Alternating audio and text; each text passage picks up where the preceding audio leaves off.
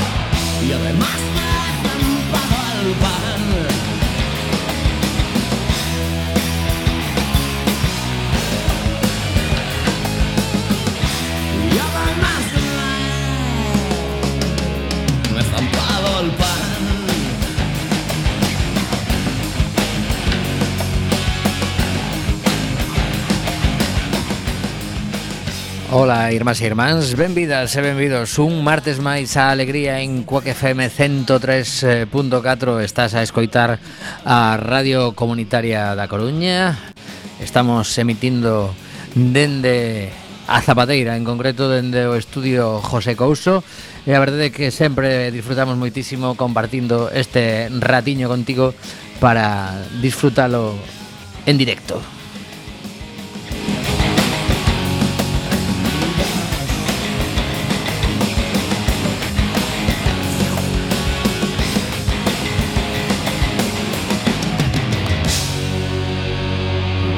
Welcome the house.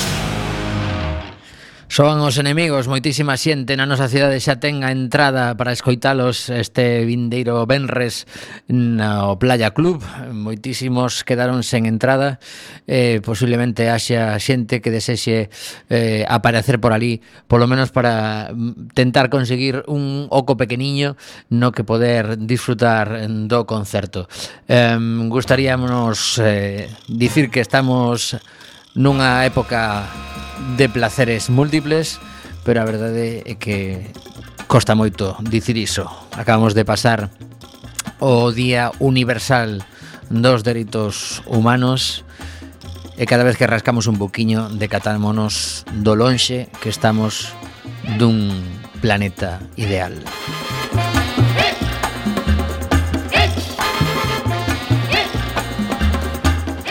Eu son Tomi Desastre e en breve estarei con máis compañeiras e compañeiros neste alegría que comeza e que se en algún momento queres participar nel podes facelo a través de dous xeitos moi sinxelos. O primeiro deles, chamarnos directamente por teléfono 881 01 2232. Vou repetir 881 012232 E tamén temos un sistema tecnolóxico avanzado que é o WhatsApp. 644 73 73 03. Supoño que xa o tes guardado no teu móvil, na xenda eh, para escribir sempre que desexes a Quack FM 644 73 73 03. Alegría foi ver chover Caramba, que gañas tiñamos eh, Os embalses galegos están subindo. Falábamos hai un par de semanas Bueno, incluso a semana pasada Do problema que se estaba achegando a ritmos axigantados Pero xa polo fin, por fin podemos falar da, da suba dos en coros e agardamos que isto continúe unha tempadiña para despois non estar xa no mes de marzo eh, con preocupación de novo porque o verán xa vimos este ano é moi longo. acaban de chegar Isalema e Mr. Bugalú Así que vou deixar os mandos técnicos Mentres vos e nós tamén Escoitamos ao grandísimo Ao fantástico a ese home que foi unha auténtica mágoa eh, que falecese hai 53 anos e un día, Sam Cooke. Imos con el. A Change is Gonna Come. I was born by the river In a little tent Oh, and just like since. It's been a long, a long time coming, but I know a change gonna come. Oh, yes, it will. It's been too hard living, but I'm afraid to die. 'Cause I don't know what's up there beyond the sky. It's been a long, a long time coming, but I know a change gonna come.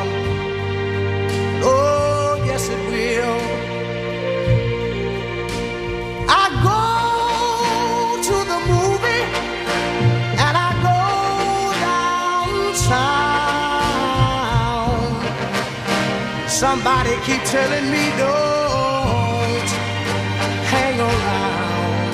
It's been a long, a long time coming, but I know a change gonna come. Oh, yes, it will. Then I go to my brother say, Brother, help me please.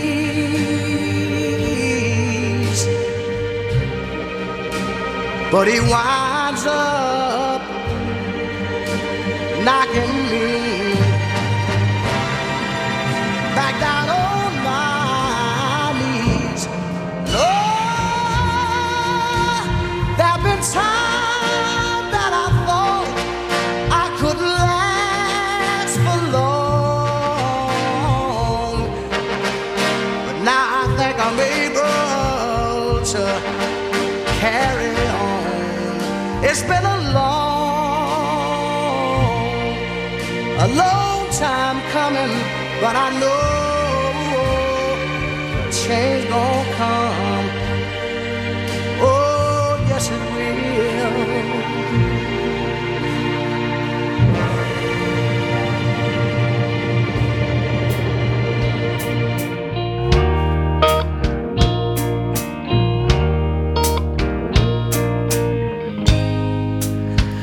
En Oxe Alegría pode transformarse en calquera momento en Festival do Humor porque...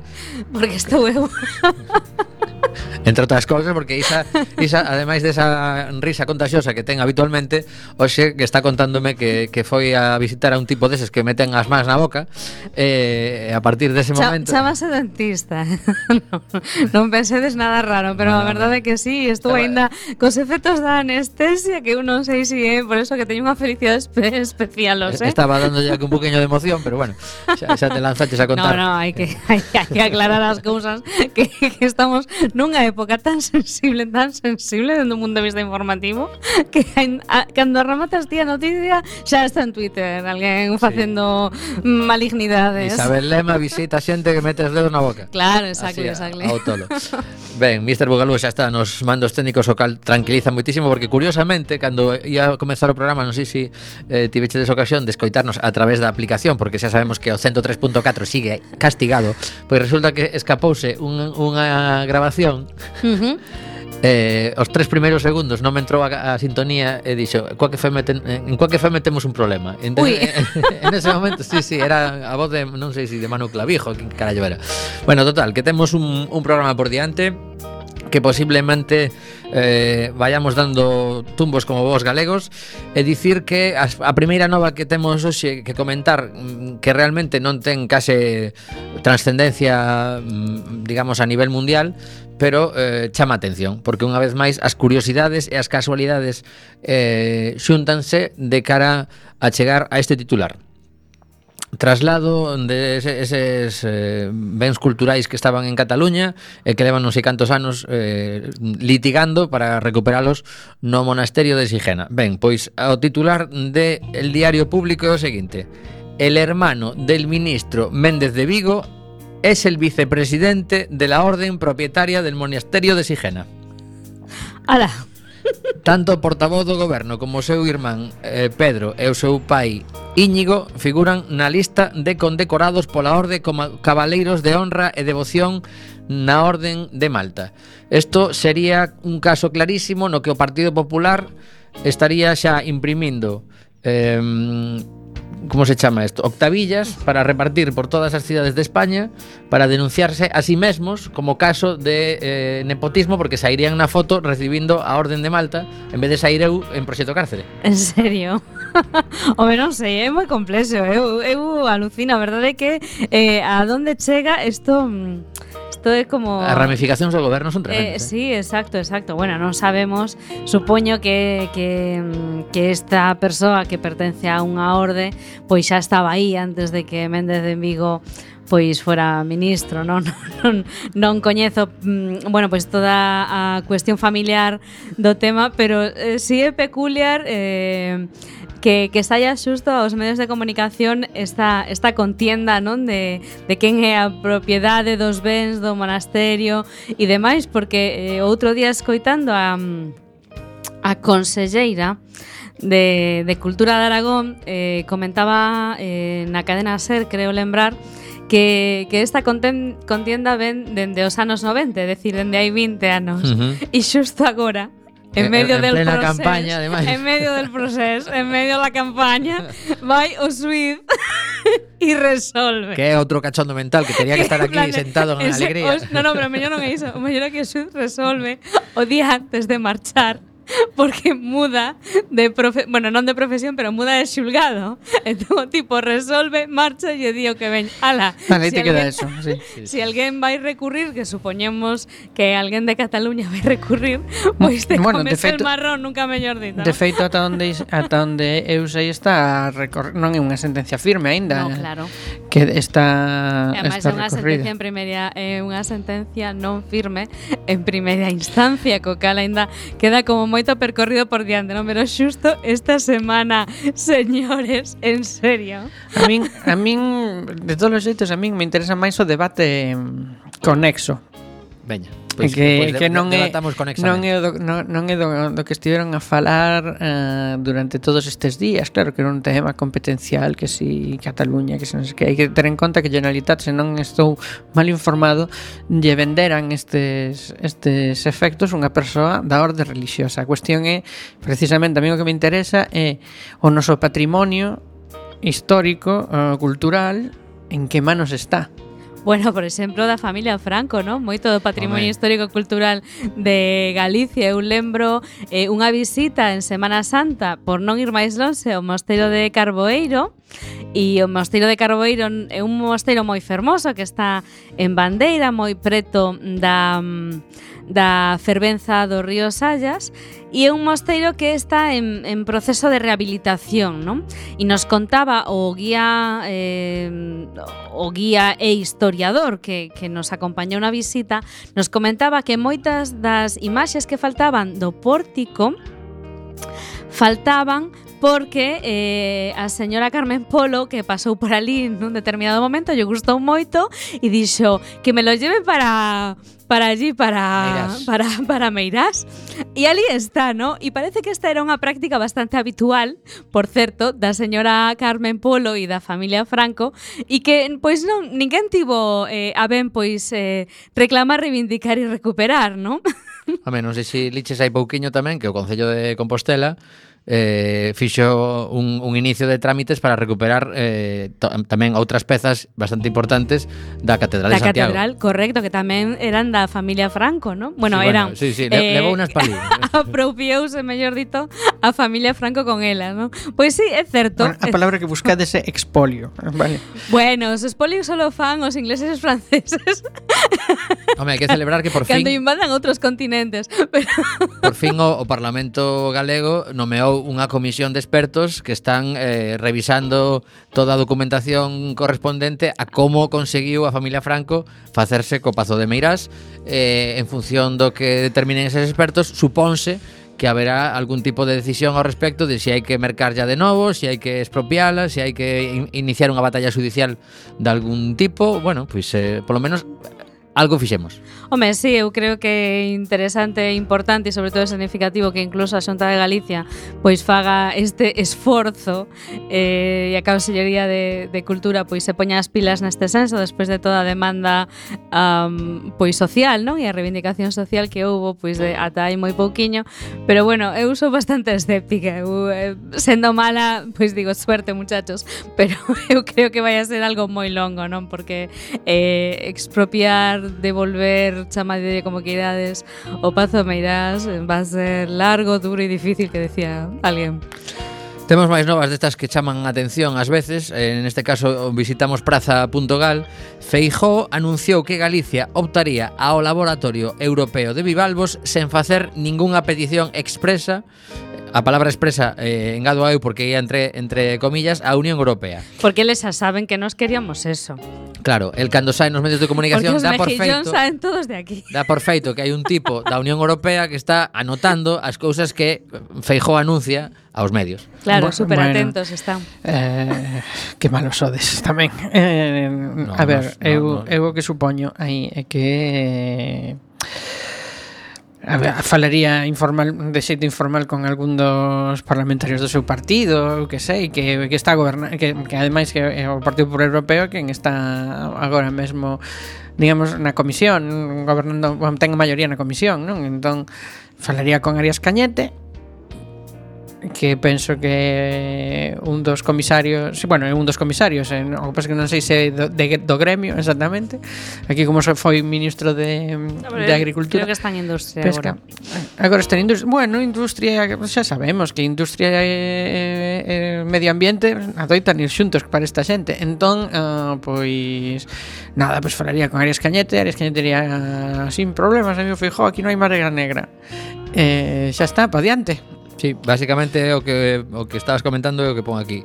Eh, nunca chegou a ser asumida polo goberno de España esta este anuncio por parte de Fijo que non realizou xestión ningunha ante as autoridades europeas para que chegasen a Galicia as competencias que ata agora asumía o Center for Environment, Fisheries and Aquaculture Science, que se chama Cefas para os amigos. Hai que ver eh, como deixaches o micro, eh? deixaches sí, pero sí, pingando. Bueno, xa, xa viña de antes. Eh, de Weymouth no Reino Unido. Claro, como agora eh, había cousas de Unión Europea no Brexit, pois pues agora teñen que andar recolocando.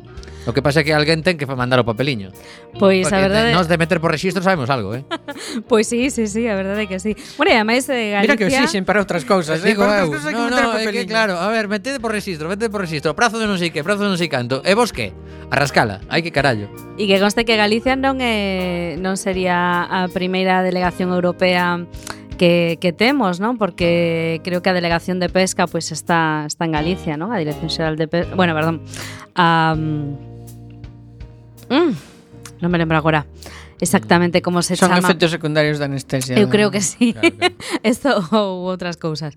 Pero no, no, xa non me lembro agora mesmo. Pero bueno, sí que hai un instituto relacionado coa pesca que está que está en Galicia, non? Igual que eh, bueno, pues esa oficina europea do medicamento e a ir a Barcelona sí o sí, ao final se quedou en Rotterdam. Bueno, pois pues Galicia sí que ten xa eh, algunha ten precedentes, non? De, de bueno, pois pues de ter eh, delegacións da, da Unión Europea aquí de pesca Huesca e, bueno, de Bilbalbos, como decía antes, que, que non era unha broma, o sea, que realmente eh, o marisco, a principal eh, produtora de, de Bivalvos de marisco de, de Europa somos somos os galegos, non? Así están as rías como están cheas de bateas. Aparte que mm. agora nos quitaron nos quitaron a competencia dos escoceses, xa que Co Brexit. Ben, pois imos, sí, co Brexit eh... están super nerviosos, eh? De feito, eh, vos que sabedes que eu traballo na no contexto de investigación e de proxectos europeos e demais eh, moitos colegas de, de Gran Bretaña e de Escocia e de Inglaterra e de Escocia estaban moi nerviosos sobre que ia pasar con estas negociacións porque, eh, bueno, eh, especialmente Gran Bretaña aposta moitísimo pola investigación e o desenvolvemento, cousa que España non fai, a inversión é de menos non sei non, canto. non o podo creer. Eh, en serio. Bueno, pois eh, eles están moi contentos, amasaban os eh, pola mañá eh, en diferentes portais porque nestas negociacións co Brexit eh, exactamente Inglaterra pois vai a quedar eh, vai a ser eh, un dos países que podan participar nos eh, proxectos e nas convocatorias de Horizonte 2020 e as que veñan. Sí, final. É un Brexit pero menos. É un Brexit bastante suave, eh? eu quero pens eu creo que se están relaxando moito a, as cousas. Non sei, hai intereses por detrás, a ver a ver que pasa, non? Por outro lado, non parece xusto, ¿no? Que por un lado, bueno, eh, nos queremos ir, nos queremos ir, pero nos queremos quedar con toda con toda a vantaxe, pero hai que lembrar que hai moitísimos traballadores, moitísimos investigadores tamén, moitísima xente que está vivindo en Inglaterra bueno, e que non son ingleses. Eu ¿no? supoño que aí non puiden estar atentos ás negociacións, sei que sei que estaban progresando, e que outro día chegaron aí a unha especie de, de principio de acordo. Si sí, despois dunha larga noite de discusións. A cuestión que, que queda como moi raro ese titular, pero foi así, saíu en toda a prensa. Despois dunha larga noche de debate, sí. ¿qué faría esta gente? Bueno, é, é, a ver, ese, ese, eh, ese costume, ese costume de negociar. Sí, verdad, estilo lendoiro, as cinco e media claro. lle puso papel ali, dixo, firmo que se xa. Sí, sí, eso, sí. eso penso que un pouco o, o, o, o puxo a delegación de moda, a delegación de España no así, o sea, cando cando se incorporou a Unión Europea que, que dicían que eh, as negociacións con a delegación eran como como, como moi terribles. Estaba precisamente Marín, o que fin, ah, no, así, Manuel político, Marín. Manuel Marín que finou outro outro día era o xefe desas negociacións eh, mm, cando penso en el sempre digo pois pues, sí, seguramente tiñan toda a pinta de ser bastante duras non? Porque eh, non se me llaba un, un tipo fácil de convencer Manuel Marín. Imos eh, rematar este, este primeiro bloque eh, Pois eh, antes de pasar a, a diversas informacións coruñesas 100% eh, pois eh, escoitando outra das cancións que hoxe traía. A verdade é que estiven pelexándome para, para poñer unha de Otis Redding, pero revelouse ao sistema informático e non, non foi capaz de, de, de chegar a, ao noso Ancloud, a ver se si antes de rematar o programa nos dá tempo, pero mentres tanto imos facer unha, unha revisión dunha canción que fala de cambios, de cambios, porque fai moita falta que cambien moitas mentalidades. Imos por ela.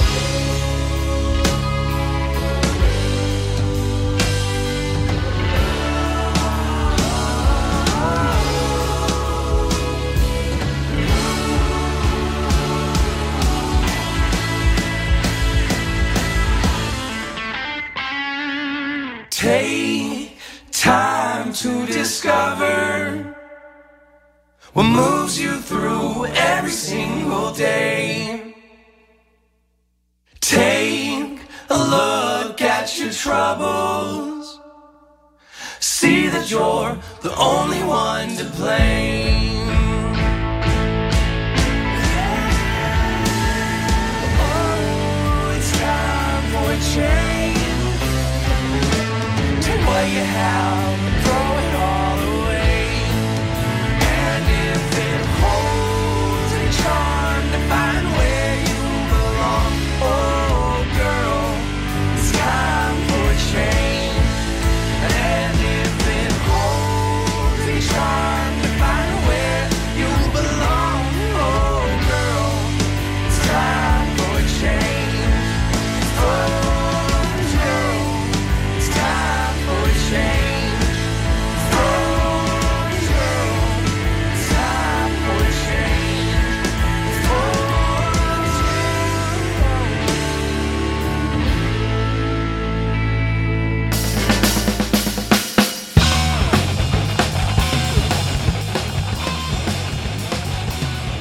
Ben, pois chega un momento solemne no que mm, Tommy Desastre pode anunciar en Quack FM eh, cun día de retraso porque non tivemos programa antes que por fin as obras chegaron a Almirante Mourelle.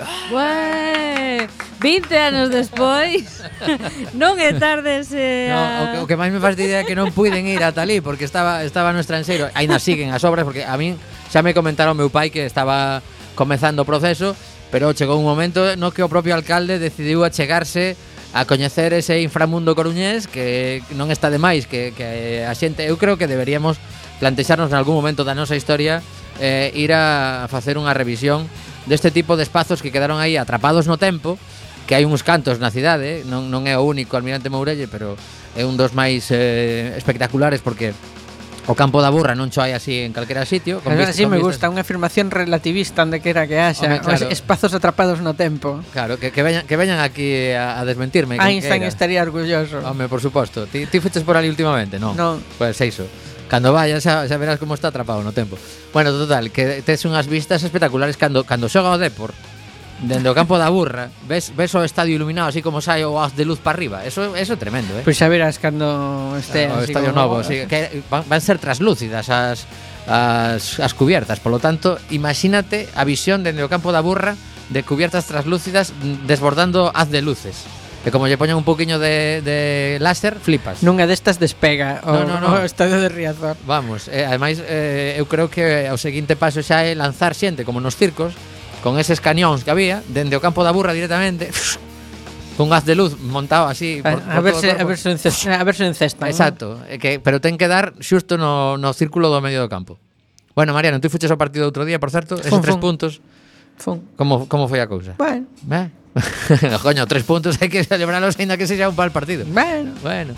Ben, eh, nada, que Almirante Mourelle por fin eh, terei que voltar por ali a facer reportaxe cando rematen porque xa comentei aquí e tamén en redes sociais que de verdade que o burato que estaba vendo era absolutamente preocupante porque tiña pinta de estar chegando a profundidades moi considerables, eh? O sea, non, non era ningunha broma e non me extraña que, que pusieran eh, As vallas como, como, esas, ¿no? como algo urxente reparar esa rúa porque podía haber mm, peligro de desplome eh, coas primeiras temporais así potentes porque o, o burato era tremendo. Pero bueno, Sucede máis cousas na cidade, por suposto, e os veciños de Novo Besoiro presentaron 3.800 sinaturas para solicitar outra liña de bus. En concreto, a fotografía que aparece na prensa eh, está tamén o portavoz da, do Partido Socialista, Eh, eh, membros da Asociación de Veciños de Novo Mesoiro acudiron onte ao rexistro municipal situado na Praza de Marapita para presentar as 3.813 sinaturas recollidas co obxectivo de solicitar unha nova liña de bus e a colocación de dúas paradas da liña universitaria no barrio. O cal ten bastante lógica porque evidentemente se, se os estudantes de ali para chegar a, a unhas facultades que están relativamente cerca teñen que coller un bus cara ao centro da cidade é como rebobinarse para despois ir a clase. Entón parece que polo menos visto dende dende calquera que coñeza eh, a, a, a mm, composición urbanística de Novo Mesoiro ten certa lógica que lles poñan paradas aos buses universitarios por ali. O que tenga delito deixar montar ali un polígono eh, urbano como como Novo Mesoiro. 15.000 habitantes. Eso ten moito, moito delito. Pois pues está, está bastante xente contenta ali, eh? Home, sí, pero está absolutamente afastado de todo e cando se Home, xa, pero creou... ti pensanos que viven en Carral, entón.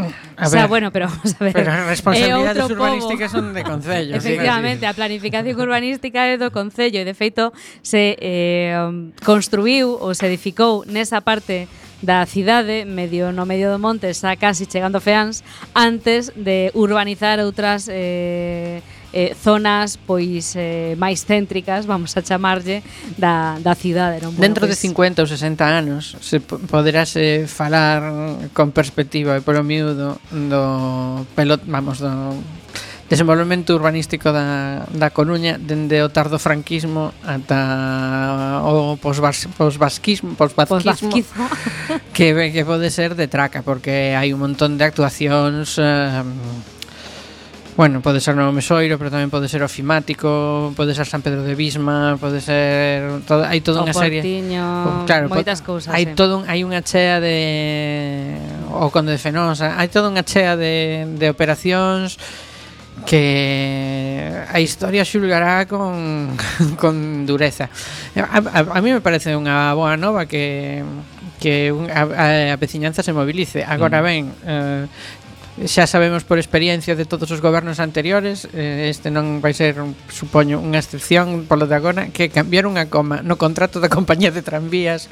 Me parece que en 2018 é como, é como a caña, sí, claro, convocatoria. Porque en 2018 o, o, vence o contrato, bueno, fíxose vencer o contrato porque resulta que había aí unha normativa europea que decía que tal, eh, eh, eh e, e vence o contrato co cal se poderá volver a negociar porque o mm. contrato actual é como, como que bueno, de feito é o que eu lembre cambiar, cambiar, o que se cambiar cousas cambiar liñas e tal, pois con cuentagotas e non será porque non hai demanda cidadáns e porque non se transforma esa cidade nos últimos 15 ou 20 anos, non? De feito... Bueno, non, non estou de acordo, sí que se cambiaron as liñas últimamente, eu lembro como está, eles fan, por exemplo, a mí me parece unha boi, boísima noticia que, que o barrio de Novo Mesoiro pues, pois, se, se organice e demande eh, máis transporte público e máis servizos Por certo, un segundiño, demais, o, o pero... Concelleiro de Mobilidade garantiu hai dous meses que a proposta destes veciños será tida en conta. Uh -huh. Claro, que a frase é así como moi amigua. Sigue, bueno, sigue. sí. no, decía que eh, sí que houbo modificacións no Sí, sí, non dixen que non dixen que públicos. houbo poucas, pero Por exemplo, na, nas liñas universitarias sí houbo moitas moi, moitas modificacións. Eh, eu lembro que hai pois non sei, 10 anos ou 15 anos había liñas universitarias polos barrios e logo se tendeu a centralizalas, non? E creo que se deixan solo as liñas universitarias polos barrios a primeira hora da mañá e demais, non? É bastante complexo tal porque tal e como está a distribución da, das liñas de, de transporte público que basicamente se reducen a eh, autobús e nada máis pois público sostible.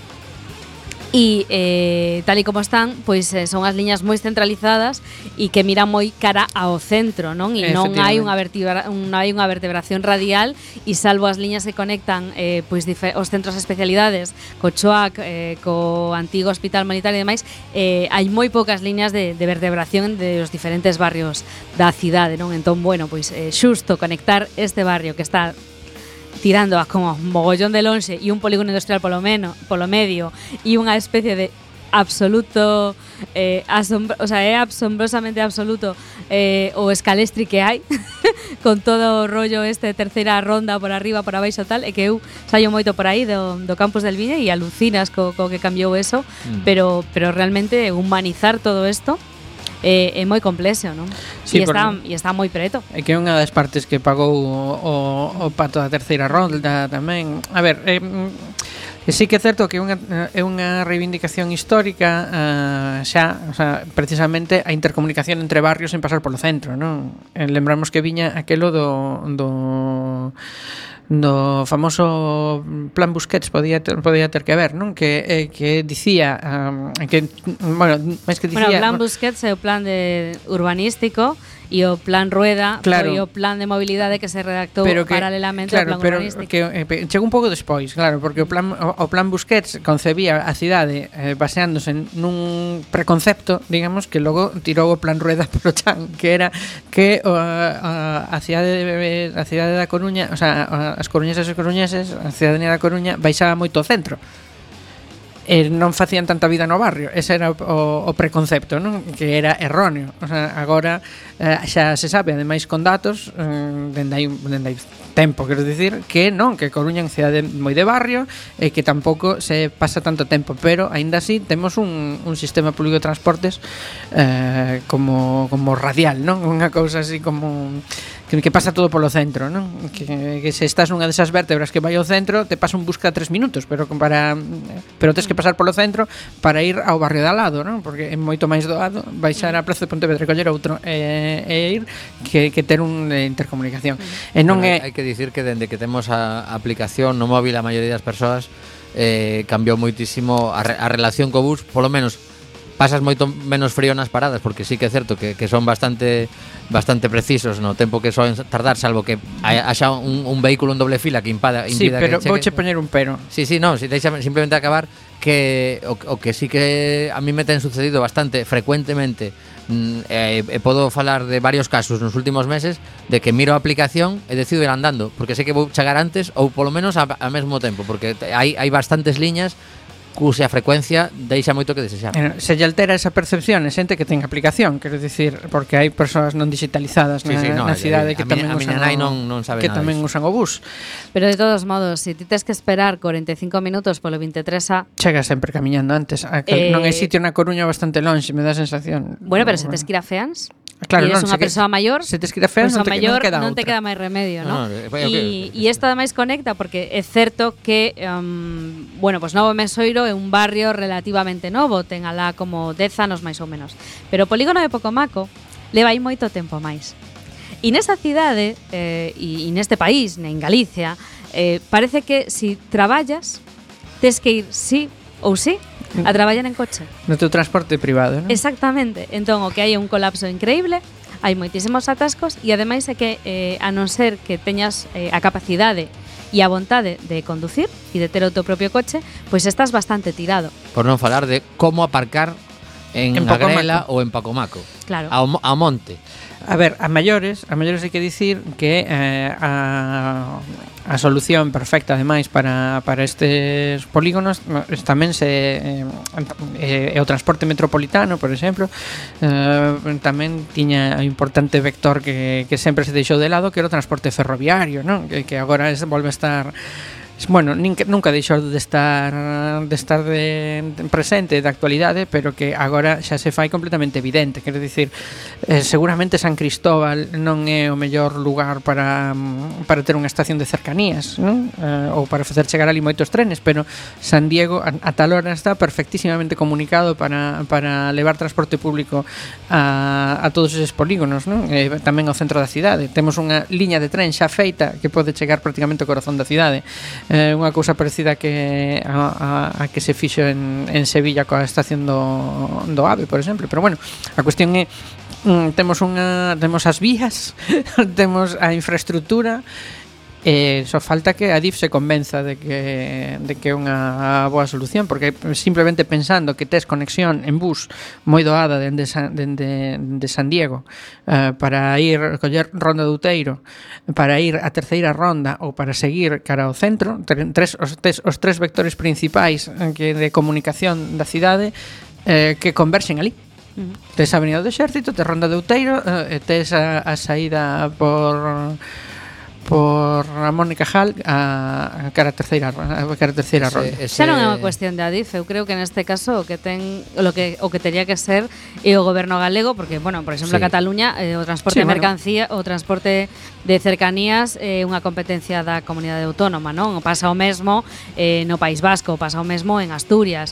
Eh, Sí, pero bueno, pero, ah, o sea... pero xa, se, xa se lleve ao goberno da, da Xunta o interese pola comunicación ferroviaria coa liña Coruña Ferrol, sen ir máis lonxe. Claro, eu, sen ir máis eu, lonxe, eu, a... no, eu podo entender que eh, ao Ministerio de Infraestructuras pois eh, unha liña que conecte San Diego con Pocomaco pois lle quede como moi lonxe, non? Pero aí está o goberno da Xunta pois para realmente estructurar un pouco isto pero eu non dicía e pedir competencias, eu dicía, non? eu dicía que se ti conectas eh, con, conectas a estación unha estación de cercanías en San Diego por en bus con billetes integrados e todo isto o, o, como a fose.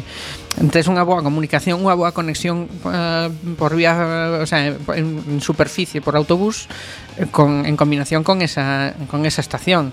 Que bueno que tamén se a ver tamén se pode facer se, tamén se poden facer apeadoiros unha vez quede liberado o espazo do porto que según se di se vai adicar a uso público según eh, bueno, eh, sí. que, é que o, o creeremos cando vexamos pero hai vías ata máis adiante todavía se pode poñer un apeadeiro despois da estación quero dicir eh, que hai unha un, Hai un montón de posibilidades que otorga o ferrocarril para alixeirar o transporte metropolitano, porque ademais, se non se fai polas boas, vais a ter que facer polas malas. E os tres, os tres que estamos aquí, seguro que temos visto en moitas estacións europeas, como cando chegas, eh, baixas do teu tren, hai unhos aparcadoiros enormes de bicicletas, de bicicletas cubertos para que a xente poda dun día para outro deixar ali a súa bici e moverse agora que un dos plans Eh, que Ademais están, vai pasar por ali o carril bici. Claro, un dos plans que está aprobado eh, para esta cidade é eh, a ampliación de moitos kilómetros de carril bici que incluso contando coa Deputación da Coruña, van a engadir a outros eh, municipios eh, do entorno. Por lo tanto, parece, bueno, saica, parece dentro, de sentido común. Dentro dun ano xa verá un carril bici pasando por diante de San Diego. que sí, que sí, que sí. A ver, se eh, por lo menos está anunciado. Se supón que vai conectar tamén con Oleiros, por exemplo, non? Claro, o sea, en, en realidade é un, vai, vai haber un continuo entre, entre Arteixo eh, Oleiro son mm. 80 e pico kilómetros ciclables, a falo de memoria. Eh, sí, era, sí, no, é bastante. Home, que a, a, a posibilidade... Se bifurca de... na Palloza, eh, eh, hai un segundo ramal na Palloza que mm-hmm. uh -huh. ven precisamente cara ao campus. Mm. Cantas persoas galegas terán pensado ao longo da súa vida que se tivese algunha responsabilidade na Consellería de Infraestructuras tería feito un, un ramal cunha especie de tren eh, un lanzadera entre a uh, a, a, o punto máis próximo da, da conexión ferroviaria entre a Coruña e Compostela e Vigo en Compostela co aeroporto de Lavacolla. Cantas persoas pensarían iso? Porque onte mesmo baixei, eh, onte, antonte, baixei do, do avión e me, pregu Lavacolla, me preguntoume unha chica eh, como vou para, para Vila García de Arousa? E dixenlle, pois, tens que coller este autobús, porque estábamos aí, no xa, de, de, estaba diante o autobús do, que, que te leva do aeroporto ao centro da pois cidade Pois con moita sorte vas ter no, que... Non, dixen, co, colles este, este autobús e chegas a, a, ao punto máis próximo á estación de trens e ali colles un tren que te deixa en Vila García Mira, pois... Pues... Menos, menos mal que ia a Vila García, me chega a dicir a Porto do Son y, Abur. E queda, queda tirada ali.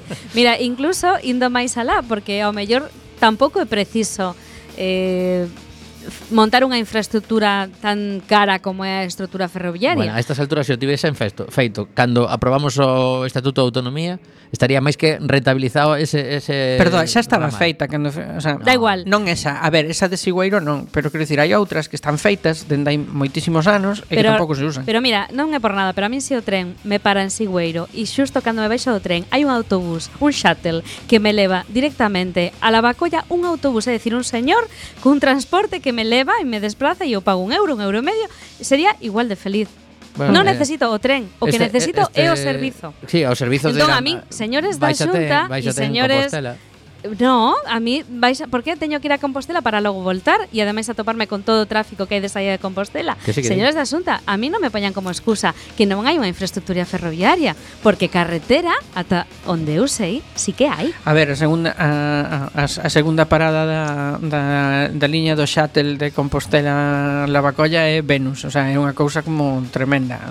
É un shuttle bastante menos. Mm, mm, mm. No, no, a ver, hai se dá unha volta guapa. No, hai, ademais, hai, hai puntos, hai puntos da E ademais ten un da problema de tráfico según por que horas tremendo. Pero cando falaba de problemas de infraestructura ferroviaria, me, me, me o sea, pensaba, por exemplo, precisamente o caso que temos aquí na cidade ou o que pasa coa liña con, con Ferrol que ten que vai dar unha volta tremenda cando cando a conexión a, a obra realmente infraestructura ferroviaria que melloraría moitísimo o servicio que nos deixaría pois eso a vinte tantos, 30 minutos como moito de Ferrol, sería unha obra relativamente pequena, quero dicir, eso é hai o que hai unha falta de interese no, no transporte ferroviario e unha aposta decidida por outros modelos e por outros intereses tamén, porque xa ten algúns xa, que estamos aquí sentados xa temos uns aniños e lembramos perfectamente o, o, o que custa eh, entrar en confrontación con compañías de autobuses, non? Por exemplo, e xa non digamos con, con intereses do, do, do propio tránsito privado, non? Mm. Ai, das propias autopistas, por exemplo. Claro, das bueno. como Audasa, claro. Sí, sí, 3,8% de suba. Podemos ir Audasa. a, podemos baixar aquí un momentiño a Palavea tamén e preguntarlles que tal que opinan eles de mm. Audasa porque a ver, un, un barrio que a, a pesar de todas as protestas alertas veciñais e advertencias veciñais de que ia quedar aillado, quedou aillado efectivamente. Hai que facer as infraestructuras con sentidiño porque se quedan para sempre. Pois. En, eh, eh, eh, o que pasa é que normalmente se, se pon a xente ao servizo das, infraestructuras, das infraestructuras e non ao revés. Non, mm, e aí hai un problemita. E esta tamén é eh, responsabilidade da ciudadanía, eh?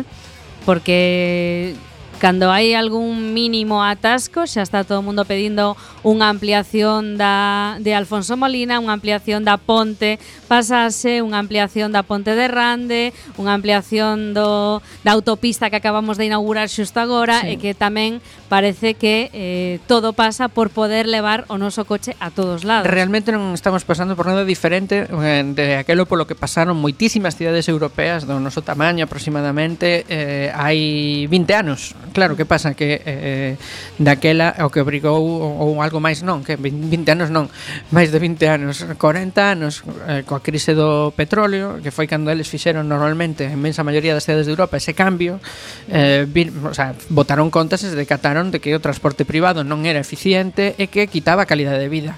Entón fixeron aposta por, por Pero non hai que irse tan longe, hai moitas cidades europeas que hai 10 anos que decidiron, por exemplo, Dinam en Dinamarca é clarísimo un exemplo, hai 10 anos que decidiron cambiar absolutamente eso por unha cuestión ambiental. Bueno, pois pues, falamos de Pontevedra. Bueno, y pero Pontevedra es un núcleo completamente distinto. ¿eh? como si yo digo, mm, vamos a penalizar bueno, C. Pero, Hombre, ah. bueno, pero ¿qué C? Vamos a vale, ver bueno, pero, quién vive 30.000 persoas en Pontevedra. Pero Pontevedra no é o mesmo foi que Madrid. Unha ¿eh? decisión eh? arriscada políticamente, eh? non nos enganemos, porque quitar todo o tráfico de, de tantas rúas do centro é eh, mm, Pero no foi pala, foi paulatino. Eu coñezo Pontevedra moi ben, además coñezo perfectamente o proceso. Foi moi paila, moi paulatino e houve unha unha eh, un esforzo moi forte de chegar a un consenso social e de chegar, de facer facer unha labor pedagóxica, non? E que a propia cidadanía percibise en primeiro lugar cales eran os beneficios para eles mesmos, porque lembremos que todo eh, a maioría das opinións en contra das patronalizacións e das centralizacións urbanas é por parte dos comerciantes que teñen esa falsa idea de que van a palmar pasta, non? De que van a deixar de, sí, se si a, a xente non pode aparcar en segunda línea, eh, en segunda fila e no coche van a perder dinheiro. En Pontevedra foi xusto o contrario e agora o que acontece é que eh, os propios comerciantes representantes pero a ciudadanía lle pide ao Concello, por favor, reduz, pon unha velocidade de 30 km por hora na miña calle porque quero vivir en seguridade, eh, peatonaliza as miñas rúas, etcétera, etcétera. Pero é unha labor de 18 sí, sí. anos, é eh, moi paulatina e con moito eh, moita aprendizaxe comunitaria tamén. E eh? mantendo o pulso firme durante todos os anos. E tamén é certo que Pontevedra ten onde botar os coches, queres dicir, ten claro. un fora Exactamente. Aquí en La Coruña es complicado, porque y a, mayor, y, a mayoría, y a mayoría de industria está en Vigo. Eu sempre penso que, que... A maioría da industria na Coruña non está en Oleiros, está na Coruña. A maioría da xente entra a Coruña para traballar. Sen embargo, en Pontevedra a maioría da xente sae de Pontevedra para traballar. É diferente, son diferentes. Sí, sí, non te digo que non, pero por exemplo... Tendo en conta que a, toda a urbanización de Pontevedra é fantástica e é exemplo e recibí moitísimos premios a nivel internacional, non ten nada que ver, eh? Sí, cada, cada localidade ten a súa... Porque eh, non ten eh, barrios, por exemplo. Xa. Bueno, eu, eu Mm, creo que un, un punto que está aí por, por explotar de algún xeito para evitar que moita xente que entra pola terceira ronda dende lonxe eh, aparque xa directamente o seu vehículo que habería que estudar como poder facer iso é xusto esa especie de mm, terreo de ninguén que está xusto eh, na esquina entrando en Coruña á dereita na ronda de Outeiro esquina con con terceira ronda que aí parece que hai posibilidade hai bastantes eh, casas que están pois en estado semi ruinoso e poderíase plantexar a posibilidade de facer un burato pero antes antes de seguir falando disto unha mágoa que non este vea connosco porque esta nova sí que me parece importante eh, pola diferencia de apreciación que hai entre o que denuncian os traballadores do Chuac e a xerencia. Entón non sei se Mariano escoitou algo na casa. Traballadores denuncia o colapso nas urgencias do Hospital de A Coruña e a Comisión do Centro atribúa esta circunstancia a recortes e improvisación que a xerencia, como sempre, nega. Entón comentan aquí que a saturación do servizo é permanente, circunstancia que atribúen aos recortes e a improvisación e a xerencia de xestión integrada da área sanitaria eh, absolut di que é absolutamente falso que se realizara ningún tipo de recorte ni improvisación, todo o contrario, subliña. Nun comunicado, esta comisión de centro advirtiu de que cando se piden respostas sempre se termina co mesmo titular, pico de la gripe. Pero ese pico ao que se refiren non é algo descoñecido, senón que todos os anos colapsan as urxencias, polo que a xerencia debería prever eh, con, con algunhas medidas eh, esta, este problema no servicio de, de urxencia. Os traballadores aseguran que ao redor de 50 pacientes permanecen hoxe esta nova está publicada hoxe mesmo en La Opinión permanecen hoxe nas urxencias do complexo universitario á espera de cama. Os enfermos atópanse amontonados en camillas, cadeiras de rodas e nos pasillos, vulnerándose os dereitos básicos como son a protección á intimidade e a confidencialidade. Por isto digo que, claro, cando mm, denuncias isto e a xerencia afirma que iso non pasa, pois non sei ata que punto chegará un momento no que teña que ir un, un notario incluso. A ver, os feitos non se discuten, eu penso que a, a xerencia tampouco discu, discute os feitos, di que é unha cuestión eh, puntual. Circunstancias. Claro, pero se ti tes eh, durante moitos anos seguidos a mesma cuestión puntual, xa non é xa non é unha cuestión circunstancial, é unha cuestión 50 pacientes é unha sen, cuestión sen cama. é unha cuestión estrutural e por outro lado penso que a o Sergas ten mecanismos suficientes de contratación eventual por un por tempo determinado como para poder dotar de persoal eses espazos, aparte de que acaba de haber unha ampliación enorme do, do Chuac, eh, non, non sei en que... A ver, cando ti prácticamente, du, o sea, non duplicas, pero case a superficie dun, dun hospital de referencia, e que tigas, ten, ten, sigas, teña, sigas tendo os mesmos problemas, de, de camas eh, que antes. Mm. Eso quere dicir que moi probablemente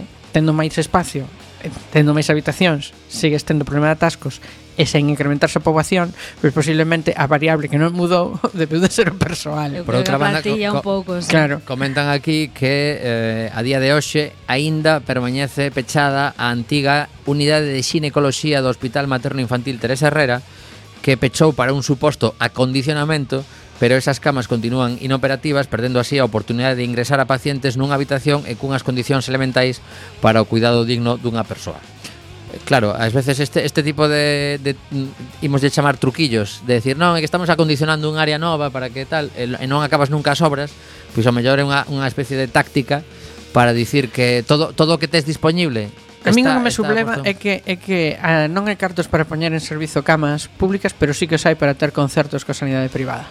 Exacto. Claro, que supoño que de algún, de algún xeito é o que se está denunciando aquí porque, porque este acondicionamento da unidade de, ginecolo, de ginecoloxía do materno non rematan as obras e poden utilizar esas, esas camas.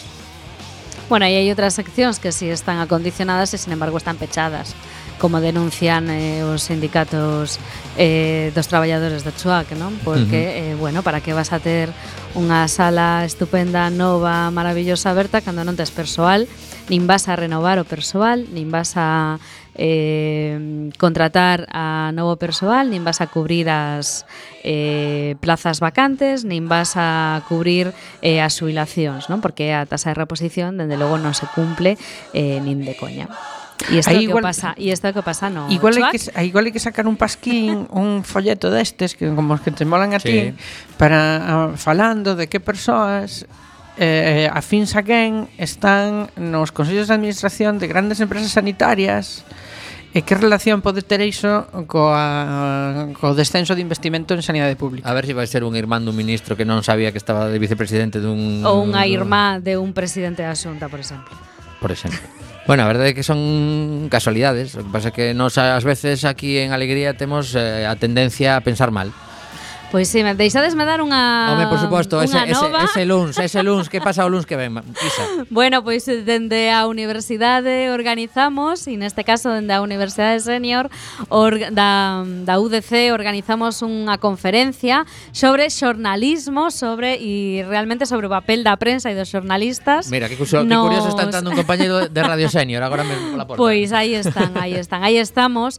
E, eh, bueno, pois a, o luns 18 ás 17 horas na normal eh, no campus de Riazor pois Marcos Pérez Pena xornalista de praza pública doutor en, en xornalismo pola Universidade de Santiago e que é o autor do libro A Prensa Galega na Transición, pois nos vai a falar eh, sobre ese papel dos xornalistas daquela e agora. Eh, é unha actividade da Universidade da Coruña, pero que convidamos a toda a audiencia que está interesada nestes temas en escoitar e falar con, con Marcos e con todos nós, pois que acudan porque a entrada é gratuita. Luns 18, 5 da tarde, normal. Eh, teremos por ali algún sistema para que a xente que aínda non o fixo asine o manifesto de Quack FM Apertas. Apertas. Ata vindeira semana, quizáis.